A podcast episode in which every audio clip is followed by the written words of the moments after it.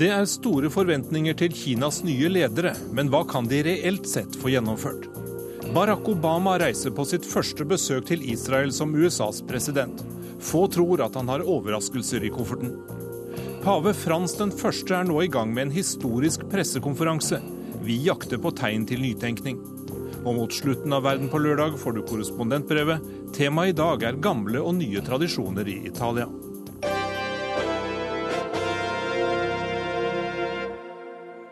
Etter flere år med maktkamp og posisjonering kunne Xi Jinping og Li Keqiang i går posere som Kinas nye president og statsminister. Avslutningen av folkekongressen markerer avslutningen på lederskiftet i Kina. Det er ti år siden sist, og det kan gå ti år til neste gang en ny leder applauderes inn. Xi Jinping 同志当选为中华人民共和国主席。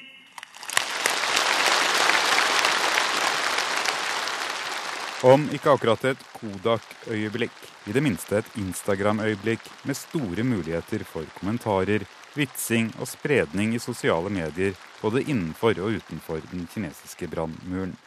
Den første poseringen og de første offisielle stive smilene til Xi Jinping, Kinas nye president og Li Keqiang, Kinas nye statsminister, sammen.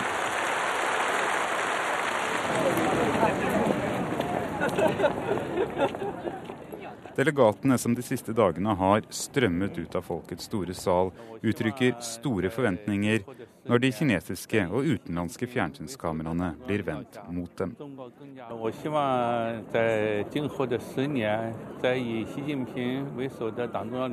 Jeg håper Kina kan bli mer velstående, og at folk kan leve et bedre liv under lederskapet til president Xi de neste ti årene, sier delegat til folkekongressen An Kang. Men det finnes mer kritiske stemmer også iblant delegatene. Ved siden av kampen mot korrupsjon er å bygge ned det offisielle byråkratiet og en omstrukturering av regjeringsapparatet noe av det viktigste for Kinas nye ledere. Og for to dager siden møtte mange kinesere opp for å oppleve et lite historisk øyeblikk. De sto utenfor det 63 år gamle Jernbanedepartementet. Departementets skilt ble skrudd ned og et nytt hengt opp. Der står det China Railway Corporation. Det nye selskapet skal rapportere til Samferdselsdepartementet. Avviklingen av departementet, som er like gammelt som Folkerepublikken selv, ble stemt igjennom uten motstand, men ikke uten skepsis.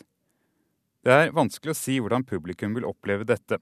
Det avhenger av om regjeringen kutter i subsidiene og finansieringen til jernbanen, sier Yuan Ji Lun, industrileder og delegat til Folkekongressen, som frykter økte transportkostnader.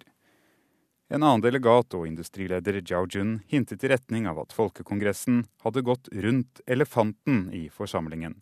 Elefanten er arvtakeren etter det gamle plandepartementet, det som i dag heter NDRC, National Development and Reform Commission. NDRC er det første de burde ha oppløst, men i stedet står det styrket tilbake, sier Jiao Jun, om departementet som styrer all ressursforvaltning og økonomisk planlegging i Kina til Hongkong-avisen South China Morning Post. Mange tror særinteresser i staten vil gjøre arbeidet med å reformere myndighetsapparatet like vanskelig som kampen mot korrupsjon. Kina er styrt gjennom at landets partitopper forhandler seg til enighet. Ingen leder er i dag sterk nok til å dominere alene. En pekepinn på maktbalansen mellom president Xi Jinping og statsminister Li Keqiang vil komme til syne når det blir kjent hvem som skal fylle de øvrige ministerpostene i den nye regjeringen og i statsapparatet. Det mest overraskende som foreløpig er kjent, er utnevnelsen av etter kinesiske kjennetegn liberalisten Liu Yuancheng til visepresident. Det er første gang siden 1993 at Folkekongressen utnevner en visepresident som ikke tilhører kommunistpartiets aller øverste ledelse, som etter partikongressen sist høst ble kuttet ifra ni til sju mann. Det sa utenriksmedarbeider Philip Lote. Og Asia-korrespondent Anders Magnus, Wang Yi er navnet på mannen som nettopp har blitt utnevnt til utenriksminister. Hva vet du om han? Veldig lite. Og øh, han eh, er ikke noe kjent person i Kina heller. Han har vært øh, ambassadør i Japan og hatt ansvar for Taiwan-politikken. Men Det som er generelt å si om utenriksministre, er at de har liten innflytelse også på utenrikspolitikken. Fordi den egentlige makten i utenriksspørsmål ligger hos presidenten, altså hos partilederen, som nå er Xi Jinping, og i kommunistpartiets utenriksdepartement. I Kina er det jo dobbelt opp. De, kommunistpartiet har egne departementer for alle samfunnsområder. Og så har man også de statlige departementene. Og da er det altså kommunistpartiets departementer som er viktigst, særlig i utenriksspørsmål. Du, hvis vi nå skal se på disse nye lederne som er valgt i Kina, eller i hvert fall utpekt, hvor liberale er de egentlig? Det er mange som håper at de er liberale. Og Li Keqiang, som nå tar over som statsminister og får dermed ansvar for økonomien, har jo hatt en del liberale utspill eh, veldig tidlig i sin karriere, men det er lenge siden nå. Xi Jinping derimot har aldri sagt noe som skulle tyde på at han er liberal eller ønsker noen demokratisk utvikling. Tvert imot så holdt han en tale ganske nylig eh, for en eh, avdeling av kommunistpartiets toppledere. Denne, dette møtet var ikke offentlig, men talen har kommet ut etter hvert. og Da la han vekt på at partiet måtte tilbake til en mye strengere Eh, leninistisk ideologi. Så han eh, er nok eh, snarere tvert imot at det han forsøker nå er å rense opp i partiet for at ikke partiets makt skal forsvinne. Han er nok mer opptatt av det. Men, men hvilken kurs er det de kommer til å stake ut av, tror du? Jeg tror de kommer til å legge mest vekt på uh, å endre økonomien. For der ser de at hvis ikke de klarer det, så kommer, uh, kommer folk til å vende seg mot dem. Og da er det Eh, makroøkonomisk er det viktigste at de klarer å endre fra en investeringsbasert økonomi til mer forbruksbasert økonomi. Samtidig må de også eh, foreta en større utjevning. Det er jo 13 eh, av Kinas befolkning som fortsatt lever på under 10 kroner dagen. Mens det er kanskje det landet i verden som har flest dollarmillionærer. Eh, over 2,5 millioner dollar-millionærer. Og Dette svære gapet mellom, eh, i inntektsforhold mellom folk det er veldig synlig. Eh, og Mange er sinte pga. det, så, så det tror jeg altså de kommer til å prøve å gjøre noe med. Hva så med forhold til Norge? Det eh, har dette skiftet her liten betydning for, etter mitt skjønn. Det jeg tror kineserne nå venter på, er et eventuelt regjeringsskifte i Norge til høsten, slik at de kan bruke det som et påskudd til å si at nå er de som eh, støttet fredsprisen borte, nå prøver vi på ny frisk med, med disse nye. Selv om de selvfølgelig mener akkurat det samme, så er det en, en formalitet som gjør at man kan prøve en annen politikk. Takk skal du ha, Anders Magnus.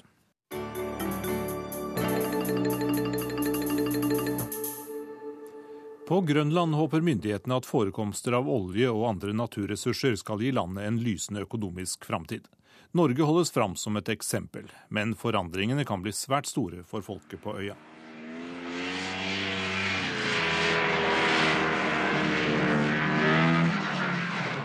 Snøscootere durer fra kysten av Grønland og utover havisen. En gruppe marinbiologer borer ut iskjerner i isen, som de så skjærer opp og tar med seg hjem til laboratoriet. De ser etter hvor tykk isen er, og hvor mye lys som slipper ned til undersiden av isen, der algene sitter. I spissen for dette sitter professor Lars Kresten Lund Hansen, professor ved Universitetet i Århus. I 2012 var det den aller minste utbredelse av havis i hele Arktis-området. Det har aldri vært så lite havis i Arktis som i 2012. Det er masse is om vinteren, men den blir mindre og mindre om sommeren. Og det har sannsynligvis med klimaendringer og endrede havstrømmer å gjøre, sier Lund Hansen. Det betyr at det blir færre isbjørner, fordi de lever av det den finner under isflakene. Men issmeltingen får også en storpolitisk betydning. Det blir mindre og mindre is. Og på den måten blir isen mer og mer viktig, fordi så kan man komme til å seile Nordøstpassasjen og Nordvestpassasjen fra Europa til, uh, til, til Kina f.eks., til Asien. Kineserne har utvist en veldig stor interesse for hele det arktiske området, sier professor Lund Hansen. For issmeltingen gjør at Kina ser for seg en helt ny transportrute mellom Asia og Europa. Kina vil bli en del av Arktisk råd, Og i fjor sendte de en isbryter opp mot Nordpolen. Den nådde ikke helt fram, men Kinas store ambassade på Island viser at de har ambisjoner. De regner med at det blir den nye Singapore, altså den arktiske hub. Det hele kommer til å utgå der fra, Island. Uh, Arktis blir meget, meget viktig for dem. På et kontor i Grønlands hovedstad Nuuk viser direktør Kai Kleist i gruveselskapet London Mining fram en stor tegning. Selve jernminen ligger helt opp i, ved innlandsisen. Det er 105 km opp til, til øh, bredden av innlandsisen. Med penger fra en kinesisk statsbank og opptil 3000 kinesiske arbeidsfolk skal de bygge en jernmalmgruve utenfor Nuuk. Kineserne vil bygge en ny, stor havn og skipe den strategisk viktige jernmalmen hjem og ut på verdensmarkedet. Og øh, det er så eh, den kinesiske utviklingsbank som eh, har vist interesse. Hvorfor gjør de det? Eh, de har i hvert fall hatt en, en stor interesse i det arktiske området. Kineserne har i alle fall vist en stor interesse for det arktiske området, og det er vel en del av en plan de har, sier gruvedirektøren. Kinesernes interesse for Grønland og Arktis kan også få betydning for Norge. Vår virksomhet er jo her, i Baffin Bay. Ehm, så hvis vi gjør eh, store funn der, så er det jo håp om at det kan eh, gi muligheter for ei, eh, for ei utbygging. Talsmann Bård Glad Pedersen i Statoil viser på en storskjerm hvor Norge driver leteboring i samarbeid med to andre oljeselskap utenfor kysten av Grønland. Ja, det er jo med målsetting om å kunne gjøre eh, store olje- og gassfunn. Letearbeidet utenfor Grønland er i en eh, tidlig fase, så det er fortsatt stor eh, usikkerhet knytta til om man vil lykkes. Men man regner med at ca. 20-25% av de gjenværende ressursene innenfor olje og gass og finn er i arktiske områder, og utenfor Grønland er et av de områdene som har et potensial. Det er de to klokker Øh, hvor vi har øh, øh, gitt forundersøkelsestillatelser. I regjeringsblokka i Nuuk på Grønland viser råstoffminister Ove Carl Bertelsen fram en plansje over leteboringsfeltene på vestkysten og nordøstkysten av øya. Håpet er at Grønland skal få oppleve et oljeeventyr. Jeg eh, håper at, den, eh, at oljen eh, vil være et stor inntektskilde for, for Grønland for fremtiden. Jeg drømmer om et oljeeventyr slik at det kan gi oss økonomisk uavhengighet. Det vet jo nordmennene alt om, sier Bertelsen. På Grønland drømmer de også om å bli helt fri fra sine gamle koloniherrer i København. Reporter på Grønland, Øyvind Nyborg.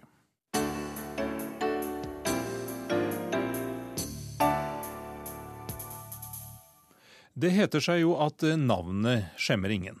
Men er det egentlig helt riktig? Påtroppende London-korrespondent Espen Aas er nemlig ikke helt overbevist om akkurat det. Hello, is this Mr. Aas? Did you phone us to complain about a delayed computer? Det nærmer seg 17 år siden en telefonsamtale startet på denne måten i London.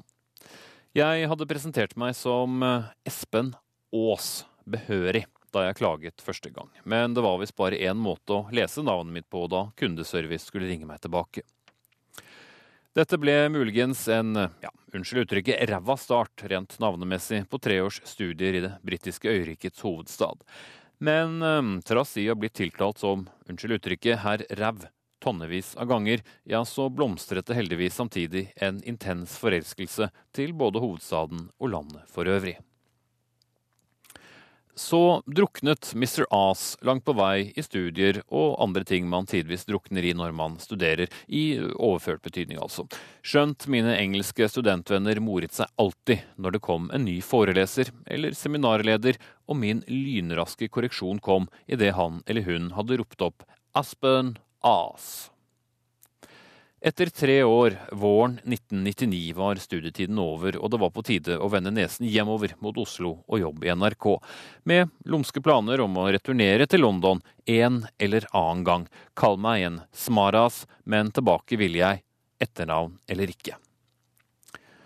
Ved retur til utdeling av eksamen noen måneder senere, iført tradisjonell sort kappe og pannekakehatt, så kom omsider spørsmålet jeg ikke hadde fått en eneste gang de tre foregående årene idet jeg skulle gå på scenen foran et fullstappet auditorium og få mine eksamenspapirer. Jeg ble spurt How do you pronounce your name? Is it As?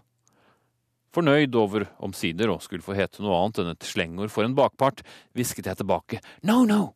You pronounce it Ås. Jeg sto da på øverste trinn på trappen opp til scenen, hørte min iranske studievenn som het Ibrahimzadeh til etternavn, få uttalt både etternavn og fornavn helt korrekt, før det høyt ble ropt opp. Aspen As! Selvfølgelig, til høylytt jubel og applaus fra mine kullkamerater. Det satte heldigvis ikke arr, og jeg kastet meg derfor inn i kampen om jobben som korrespondent i denne favorittbyen jeg tidvis tenker på som mitt andre hjem. Og med hashtaggen 'name of the game' tvitret observant noen da jeg fikk jobben. Det var neppe etternavnet som gjorde at NRK valgte Espen Aas som ny korrespondent i London. Nei, heldigvis. Derfor skal jeg om noen måneder utsette meg selv og briter for det kanskje lite sjarmerende etternavnet i tre nye år. Denne gangen skal i tillegg Mr. Aas representere Norwegian Broadcasting. Vi får tro og håpe det går bra. Jeg noterte meg at den britiske ambassadøren til Norge kun brukte mitt fornavn da jeg traff henne for en stund siden. Kanskje Mr. Espen, eller Mr. Aspen om du vil, ville fungere bedre. Jeg tror likevel jeg skal være ærlig og bruke mitt riktige etternavn. Jeg har trent meg opp og la meg ikke såre av å være et ja, du skjønner hva jeg mener. Det kunne jo vært verre jeg kunne hett Espen Sørås. Det ville virkelig vært ræva. Til uken reiser president Barack Obama til Israel for første gang som USAs president. Obama har ikke med seg noen ny skisse til fredsavtale mellom palestinerne og israelerne. Well, I want to welcome uh, Prime Minister uh, Netanyahu and the entire Israeli delegation back uh, to the White House, back to the Oval Office. President Obama ønsker Israels statsminister Benjamin Netanyahu velkommen til det ovale kontoret i Det hvite hus for temmelig nøyaktig ett år siden. De to statslederne er ikke akkurat perlevenner, men gjør gode miner til slett spill foran et fulltallig pressekorps. Godordene sitter løst når TV-kameraene ruller.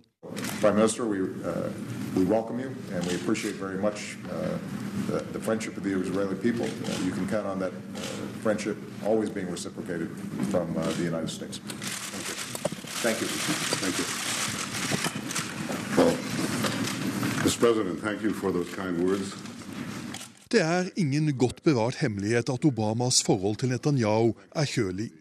USAs president skal overfor sine nærmeste gjentatte ganger ha gitt uttrykk for at han ikke stoler på Israels statsminister. Obama mener Netanyahu må gjøre mer for å få til en fredsløsning med palestinerne, bl.a. ved å stanse byggingen av ulovlige bosetninger i de okkuperte områdene på Vestbredden.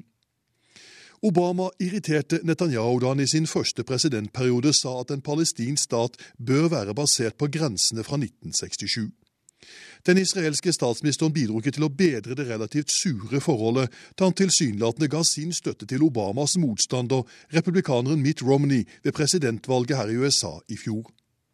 Og nettopp Mitt Romney har vært en av Obamas argeste kritikere for at han ikke har besøkt Israel som USAs president. I valgkampen kom Romney med gjentatte utfall mot Obamas holdning til Israel.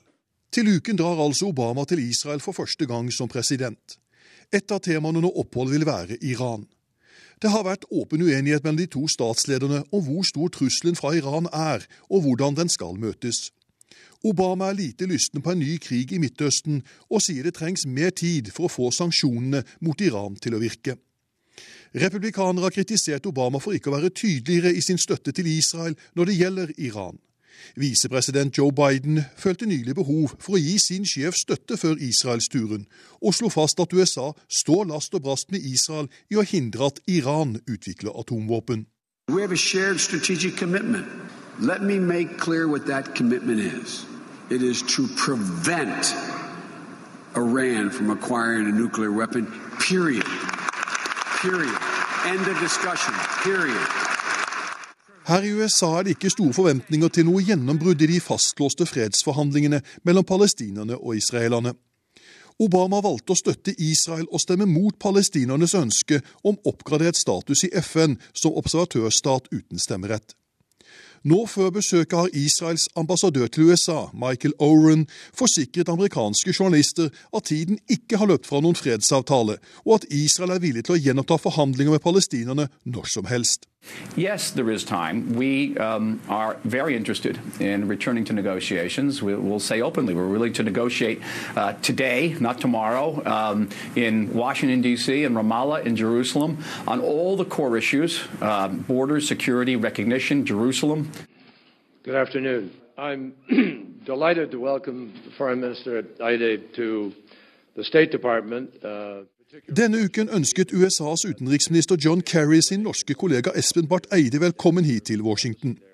De to drøftet utviklingen i Midtøsten, og Kerry slo fast etter møtet at han og Obama ikke har med seg noen ny skisse til fredsavtale, men at de reiser til Israel for å lytte. Will uh, to to uh, Israel, and uh, uh, not lay down a peace proposal. And I think until that trip has taken place, it would really be premature to start to be laying out uh, the roadmap, so to speak. Og Reporter i denne saken var vår korrespondent i USA, Jon Gelius. Forventningene er altså ikke så veldig store fra amerikansk side. Men eh, Midtøsten-korrespondent Sigurd Falkenberg Mikkelsen, hvordan ser palestinerne og israelerne på Obamas besøk? Jeg tror nok det er mer forventninger på israelsk side enn på palestinsk. Eh, det er ikke noe tvil om at dette er et besøk til Israel mer enn til eh, de palestinske områdene. Eh, Obama skal være to dager i Israel og en, på en kort partimerstur for å besøke president Mahmoud Abbas og det palestinske lederskapet. Så det er ikke noe tvil om hvor vekten legges på dette besøket. Hva betyr det for situasjonen at Israel har fått ny regjering? Altså, eh, Det truet jo med å velte hele besøket at eh, Netanyahu hadde så store problemer med å få på plass en eh, regjering. Nå skal den sverges inn på mandag, to dager før, Obamas besøk. Men det er jo en svekket statsminister som tar imot Barack Obama. Den regjeringen han nå skal lede, er en annen type regjering enn den han hadde. En svakere regjering internt politisk, men også som inkluderer elementer som f.eks. Naftali Bennets Bahit Yahudi-parti, som eh, består i all hovedsak av eh, ganske radikale bosettere. Dette lover jo ikke godt for å få til en tostatsløsning. unnskyld. Men samtidig så er Netanyahu da i en svekket posisjon, og det gjør at Barack Obama kanskje har åpninger han ikke hadde for et par år siden. Hvilken betydning har det kjølige forholdet mellom Obama og Netanyahu? Det har vært skrevet eh, spaltemetere eh, om eh, dette. Og Mye av besøket vil nok også dreie seg om å for begge to å vise en nye sider av seg selv, og også vise at de klarer å slappe av i hverandres nærvær. Det var jo veldig stor kontrast mellom f.eks. For forholdet mellom George W. Bush og Ehud Olmert og Netanyahu og Obama. Det begynte jo veldig galt for de to statslederne da de offentlig kranglet om bl.a. disse israelske bosetningene, som Obama ville at Netanyahu skulle eh, stanse. Eh, sånn at eh, det har preget, preget forhold, det har preget politikken. Men samtidig også sett fra, i hvert fall sett fra Kairo, så er det ikke store forventninger til dette besøket. Eh, og eh, etter de fire første årene med Obama, så er det mange her i den arabiske verden som mener at eh, uavhengig av personkonflikter og personpolitikk, så ligger den amerikanske utenrikspolitikken fast, men som er solid forankret på israelsk side. Ganske kort, Hvorfor drar Obama i det hele tatt til Midtøsten når det er så lite håp om å få bevegelse i fredsprosessen? Jeg tror mye dreier seg om interne, interne amerikanske forhold. Altså, han har behov for å reise til Israel for å vise at han har vært der, og, og samle den støtten han kan der. Selv om han er nyvalgt president, så skal det jo velges nye demokratiske representanter om bare to år. Og så mangler det jo ikke på temaer. Israel-Palestina er selvfølgelig ett og et av de viktige temaene, men Midtøsten er i, i voldsomme endringer. og Syria er et naboland til Israel, og deretter vil jo også Iran-tematikken være svært viktig under dette besøket. Takk skal du ha, Sigurd Falkenberg Mikkelsen.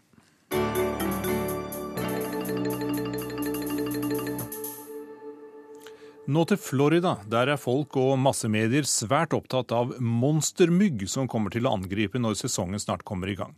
Men ikke alle påstander om myggen er helt sanne.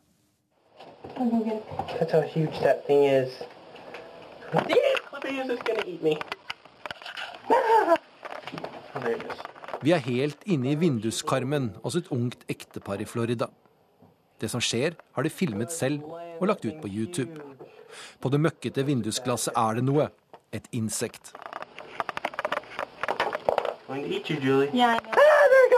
Akkurat hvor stort insektet er, ser vi først når mannen i huset holder et vanlig dobbelt A-batteri ved det.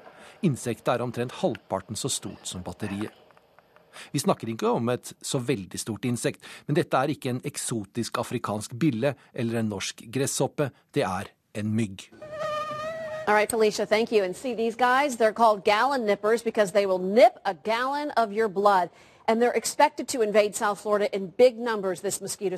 De lokale TV-stasjonene i Florida er alle opptatt av monstermyggen nå. Forskerne som følger med på hva som skjer ute i naturen, har sett store mengder egg. Eggene ligger og venter på regnet. Regnet kommer snart. Og da blir det fest for myggen. Først skal den klekkes, og så bli til larve, og til slutt fly ut av vanndammene som fiks ferdig og veldig sulten mygg. Vi snakker om mygg som kan bli over to centimeter lang. Uh, it lets you know just because it practically breaks your arm when it lands on you. Gary Good fra myggkontrollenheten i Palm Beach legger litt på for kjente, men myggen er aggressiv, og dersom du blir stukket av hunnmyggen, så kjenner du det. Selv om hun ser skremmende ut, så er det ikke mye blod som forsvinner per stikk, mindre enn en tiendedels milliliter. Historien om storfe og mennesker som har omkommet pga. blodtapet etter hissige angrep, skal være vandrehistorier. Det sa reporter Halvard Sandberg.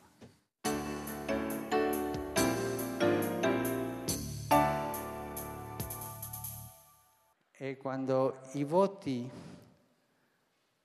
sono saliti a due terzi Pave Frans den første har akkurat avslutta den første pavelige pressekonferanse noensinne. Og reporter Anders Werring, du har fulgt med på spørsmål og svar, og hva la paven vekt på? Jo, eh, pave Frans han uh, brukte mye tid på å snakke om uh, sitt forbilde, som er Frans av Assisi. Og I likhet med ham så ønsker han å ha et sterkt fokus på de fattige situasjonen. Han sier bl.a. at den katolske kirke skal være en kirke for de fattige.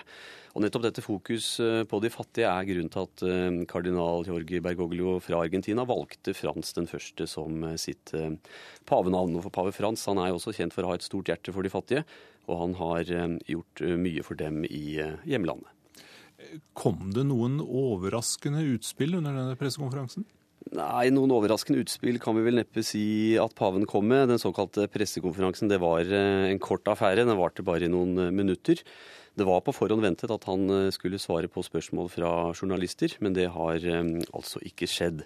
De siste dagene så har jo pave Frans eh, fått kritikk fordi han holdt med militærjuntaen i Argentina på 1970- og 80-tallet.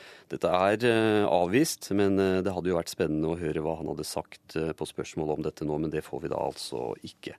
Så har det også kommet krav om at han må ta opp alle sakene med overgrep i den katolske kirken som har vært mot barn. Men dette må vi også da altså vente på å høre hans synspunkter om.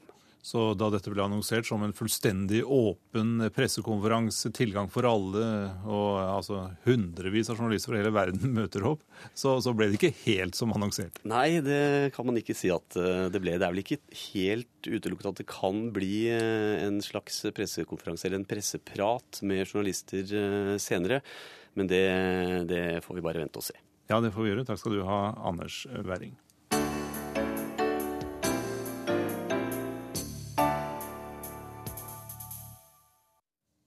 Onsdag er det ti år siden USA-ledede styrker invaderte Irak, angivelig på jakt etter Saddam Husseins masseødeleggelsesvåpen.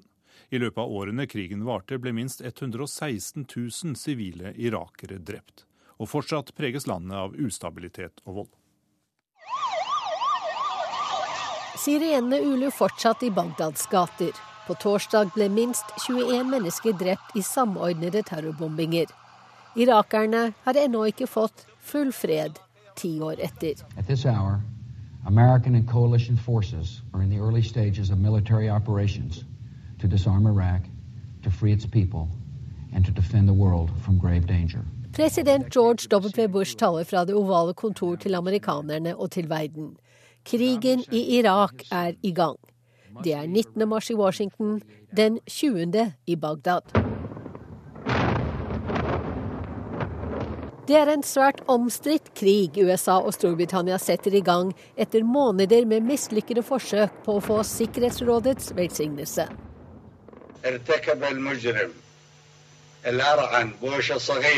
Den kriminelle Bush jr. og hans kompanjonger har begått forbrytelsen de har lovet Irak, svarer Saddam Hussein.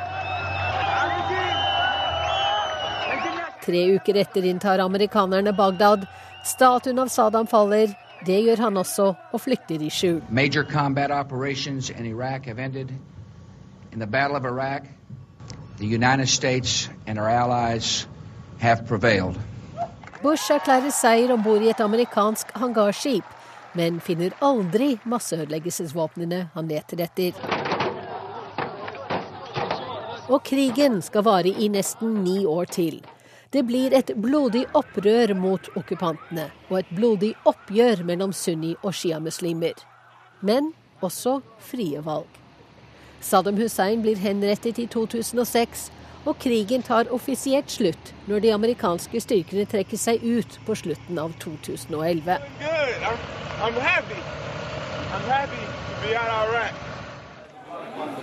I'm Shabandar kafé er en institusjon i Bagdad.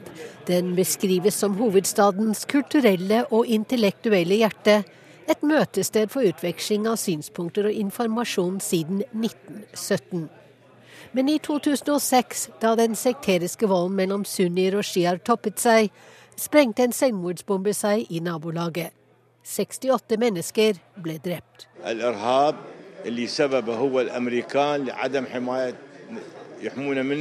Terrorangrepet skjedde fordi amerikanerne sviktet. De beskyttet ikke sivile, sier kaféeier Haji Mohammed.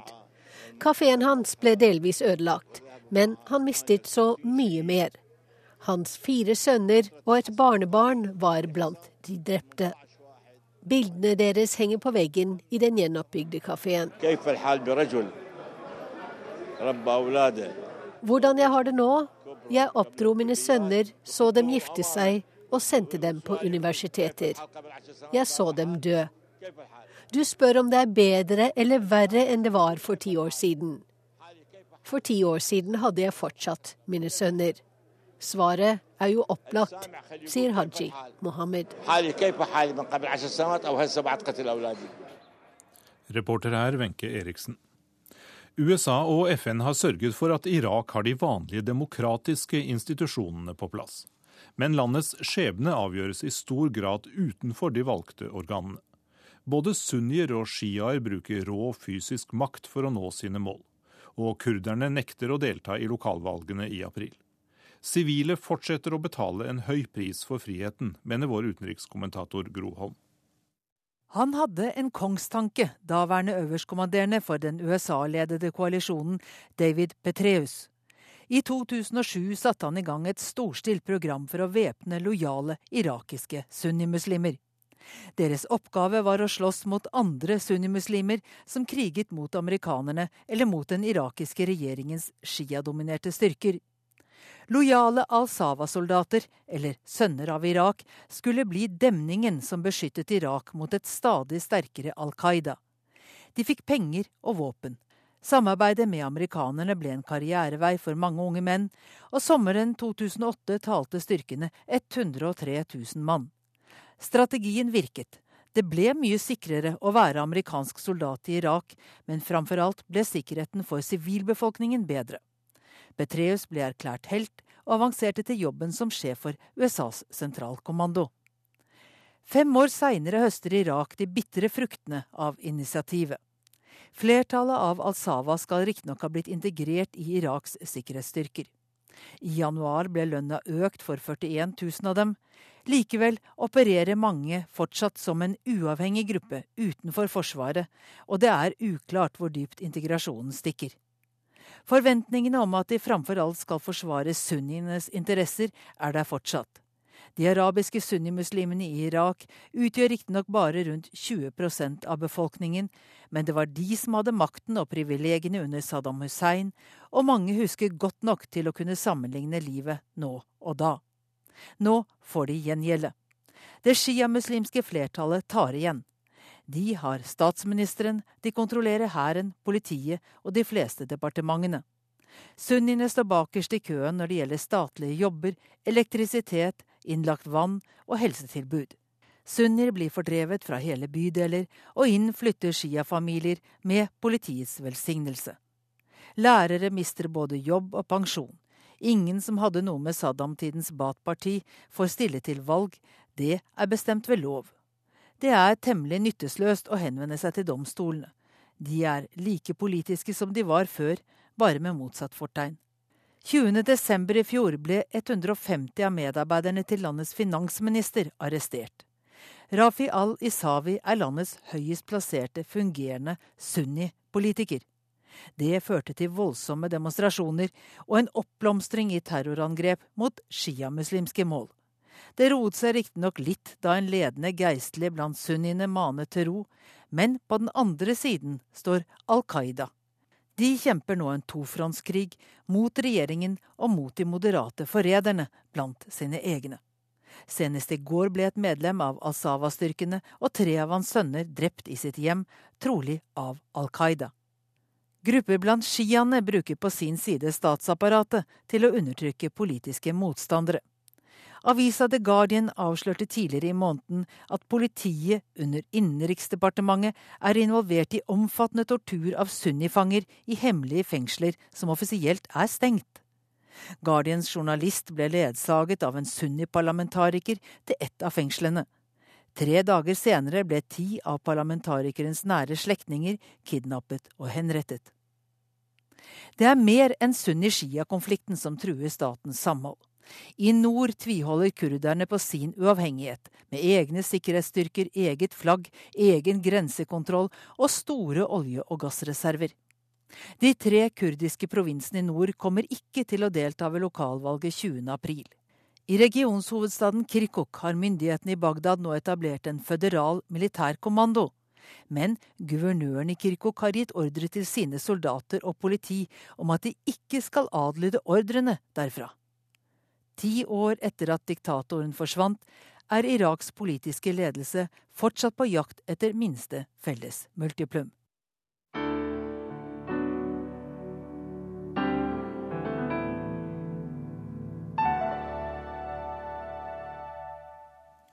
I Chile spilte mediene en nøkkelrolle under militærkuppet for snart 40 år siden. Det sier en av landets mest kjente journalister, Fernando Villagran, i et intervju med NRK. Og Chiles mektigste medieleder forsvarer fortsatt kuppet og diktaturet, sier journalisten.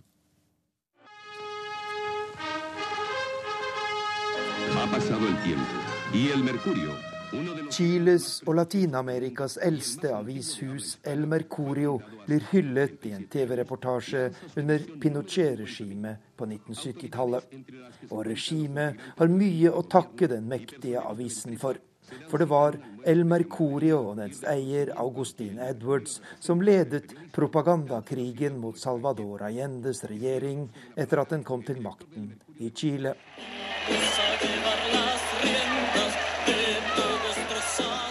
Sosialisten Salvador Allendes valgseier i 1970 var et sjokk for høyresiden og for Chiles mektige økonomiske elite. Mange fryktet en økonomisk omfordeling i landet, og de håpet på støtte fra supermakten USA. I denne situasjonen gjorde avismagnaten Augustine Edwards en spesiell reise til den amerikanske hovedstaden. Den tidligere Chile-korrespondenten for Washington Post, John Dinges, forteller. Augustine Edwards viajó prácticamente el día siguiente a Washington. Rett etter Allendes valgseier dro Augustin Edwards til Washington. Der møtte han sine gode kontakter i Nixon-administrasjonen, og han fikk en oppvartning som bare statsledere kan håpe på. Denne chilenske privatmannen og aviseieren fikk direkte tilgang til USAs utenriksminister Henry Kissinger, og vi vet i dag at de drøftet hvordan Allende-regjeringen kunne styrtes, om nødvendig med militærmakt, sier John Dinges. Historien om aviseieren Augustin Edwards og hans rolle på 1970-tallet blir fortalt i dokumentarprogrammet El Diario de Augustin, Augustins dagbok. Filmen er laget av noen av Chiles fremste journalister i samarbeid med journaliststudenter i Santiago, og hensikten er å vise dagens unge hva som skjedde den gang, sier en av de to redaktørene, Fernando Villagran. Agustín Edwards, que es un personaje emblemático en la historia de los últimos 50 años. De... Augustin Edwards har spilt en sentral rolle i det chilenske samfunnet de siste 50 år. Og selv om han var militærregimets kanskje viktigste støttespiller, er han fortsatt berømt og beundret i vide kretser her i landet. Han gir fortsatt åpen støtte til kuppet og militærregimet, og han tar på ingen måte selvkritikk for den rollen han og avisen El Mercurio spilte. Det sier det meste om den stemningen som rår her i landet snart 40 år etter militærkuppet, sier den kjente journalisten.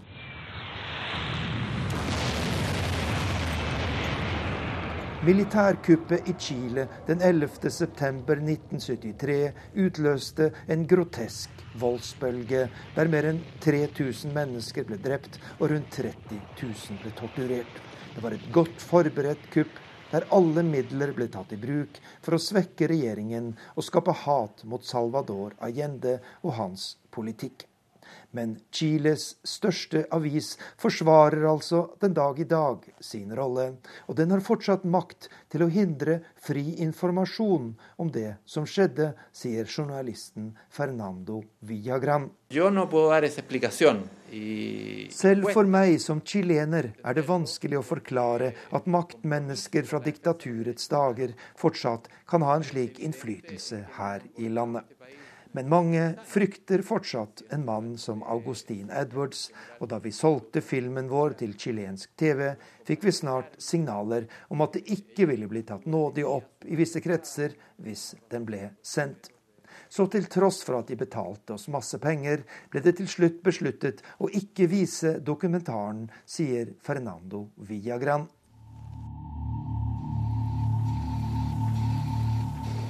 Snart 40 år etter kuppet er Chile et splittet land, der militærregimet og dets uhyrlige forbrytelser og brudd på menneskerettighetene fortsatt har sine sterke forsvarere, også blant landets medier. Reporter i Chile, Arnt Stefansen. Nå til Russland, der det feires fastelavn Unnskyld. Nå til Russland, der det feires fastelavn for alle pengene med blini eller pannekaker før eh, festen før fasten innleder, innledes. Den varer fram til 5. mai, da den russisk-ortodokse påskehøytiden begynner. Men de fleste russere forbinder fortsatt ikke fastelavn med faste og påske.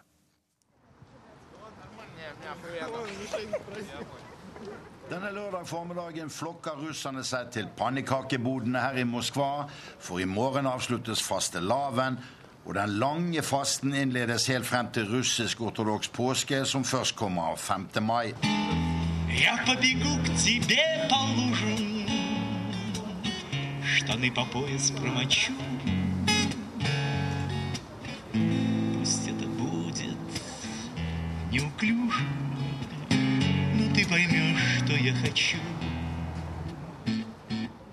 Her i en sidegate fra Moskvas hovedgate Tverskaja underholder en gatetrubadur de forfrosne som tålmodig står i kø foran alle bodene med varme blini eller pannekaker.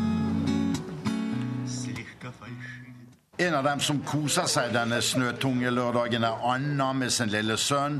Og Anna gir oss oppskriften på sine hjemmelagde pannekaker. Яйца, сахар, масло сливочное, растительное, мука и молоко с водой. Получаются тонкие и э, пористые. Э, Я ем просто... Eggmelk, mel, smør, sukker og en dose vann, for da blir pannekakene tynne og porøse. Jeg spiser dem bare som de er, men noen vil ha rømme på. Ungen min liker pannekakene med rød kaviar, så det er litt forskjellig, forteller Anna. En annen blid russerinne er også entusiastisk. Конечно, блины печем. А как же, обязательно. Она очень длинная и масленичная. Можно блинов есть сколько хочешь. Я не соблюдаю. Паски, яйца – это обязательно. Мы уже ждем, когда у нас зима уйдет. Selvfølgelig baker jeg pannekaker. Hvordan skulle ellers fastelavn som har vart så lenge, feires? Så hos meg kan du få så mye pannekaker du bare vil. Men jeg overholder ikke fasten som begynner, men påsken feires, og nå venter vi bare på at vinteren skal forsvinne fra Russland.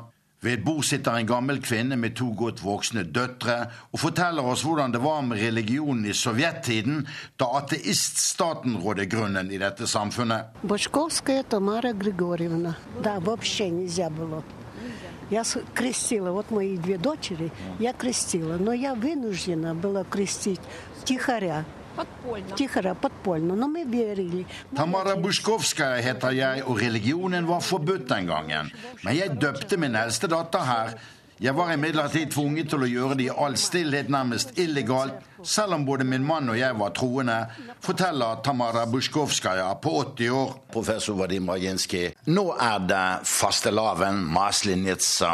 Kirken spiller en viktig rolle. Er religionen blitt en erstatning for den kommunistiske ideologi? Nei, nei, nei. nei. Det er min mening är faktiskt fastställa Maslenitsa icke religiös fest.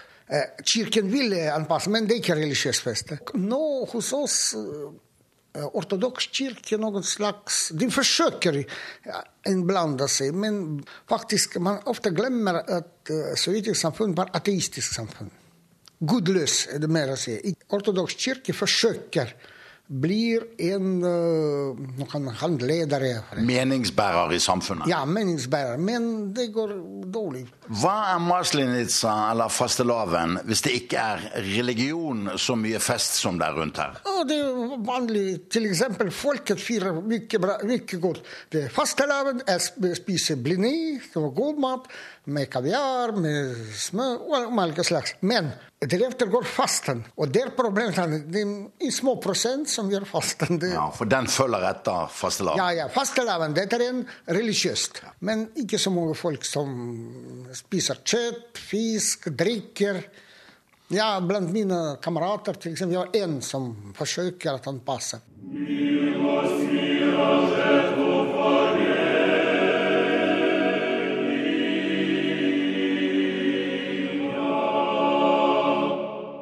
Ateismen, som var statens filosofi fra 1917 til 1991, har satt sine spor.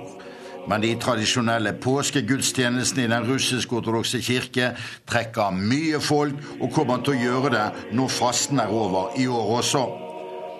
For da kan troende etter midnatt på russisk påskeaften igjen spise kjøtt etter korsgang rundt kirkene med presteskapet foran ved midnatt her i det folket selv kaller det evige Russland. Hans-Wilhelm Steinfeld, Moskva.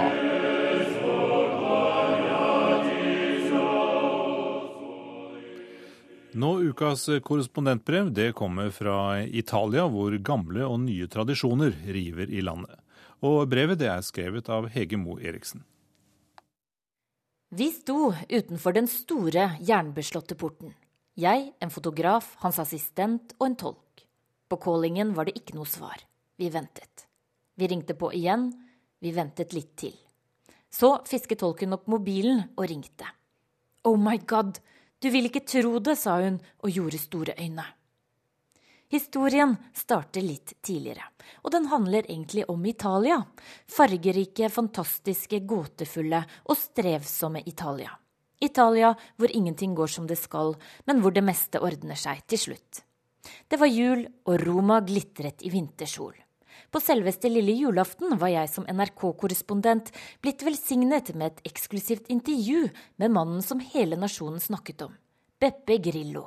Komiker og skuespiller, nå blogger og aktivist, som hadde rammet Italia med et politisk jordskjelv. Grillo var Italias enfant terrible, sparket ut av TV på 80-tallet etter en kometkarriere som komiker, da han med flengende sarkasme vitset om korrupsjonsanklager mot statsministerens parti. Siden lot Grillo sinne mot en skandalebefengt politikerkaste få utløp i bloggen sin. Og den vokste til å bli en landsomfattende protestbevegelse, og nå rett før valget var den blitt en av landets største partier. Og det uten egentlig å være noe ordentlig parti.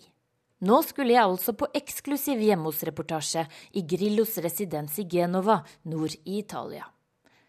For å spare hver mulige lisenskrone hadde jeg booket en italiensk fotograf på plass i Genova, i stedet for å ta med meg mine faste kameramenn fra Brussel. Og akkurat nå snakket jeg med ham på telefonen. Han var på ingen måte i Genova. Vi tar samme fly som deg fra Roma, sa han. Vi? spurte jeg. Jeg og assistenten min vi jobber alltid i team. Ingen av dem kunne egentlig håndtere et kamera, og likevel mente begge at prisen måtte bli det dobbelte av det som var avtalt på forhånd. Så sto vi der da til slutt, fotografen, assistenten, tolken og jeg, foran porten til Beppe Grillos enorme villa i åskammen av den vesle byen Nervi utenfor Genova, med Middelhavet glitrende under oss. Kasser med utstyr sto stablet på bakken, og der ble vi stående og vente. Da fisket tolken til slutt opp mobilen, ringte til Grillo og utbrøt Han er ikke her! Hva mener du, er ikke her, sa jeg mens hjertet begynte å banke fortere. Han er ikke her! Han er i Sør-Italia, i Bari. Programmet hans har blitt endret, og de har glemt å gi oss beskjed. Ei, Beppe Grillo, utbrøt en italiener jeg kom i prat med på en restaurant samme kveld. Nei, han er komplett useriøs, ikke til å stole på, sa italieneren og ristet på hodet. Du har kanskje et poeng, svarte jeg. Likevel, overfor NRK holdt Beppe Grillo sitt ord. For legen lovet han bot og bedring, og tilbød oss å komme på selveste julaften om vi så ville.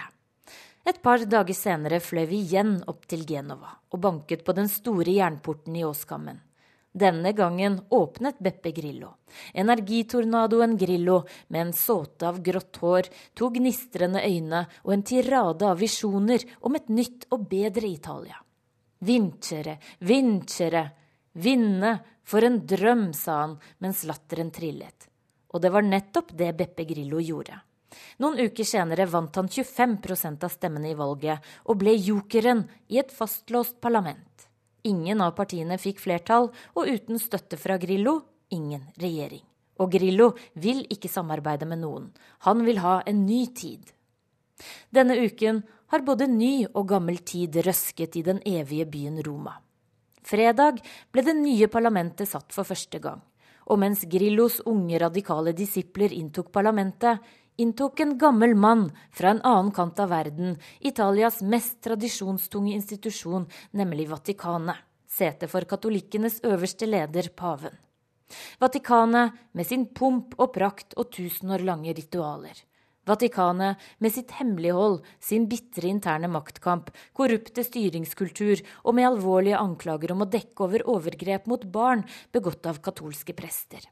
Og selv om pavens jobb i stor grad er å bevare, ikke fornye, forvalte og ikke forandre, så mener selv mange katolikker at pavestolen er kommet i utakt med sin tid. Også her som i politikken har krav om reformer vokst i takt med misnøyen over skandalebefengte kirkeledere.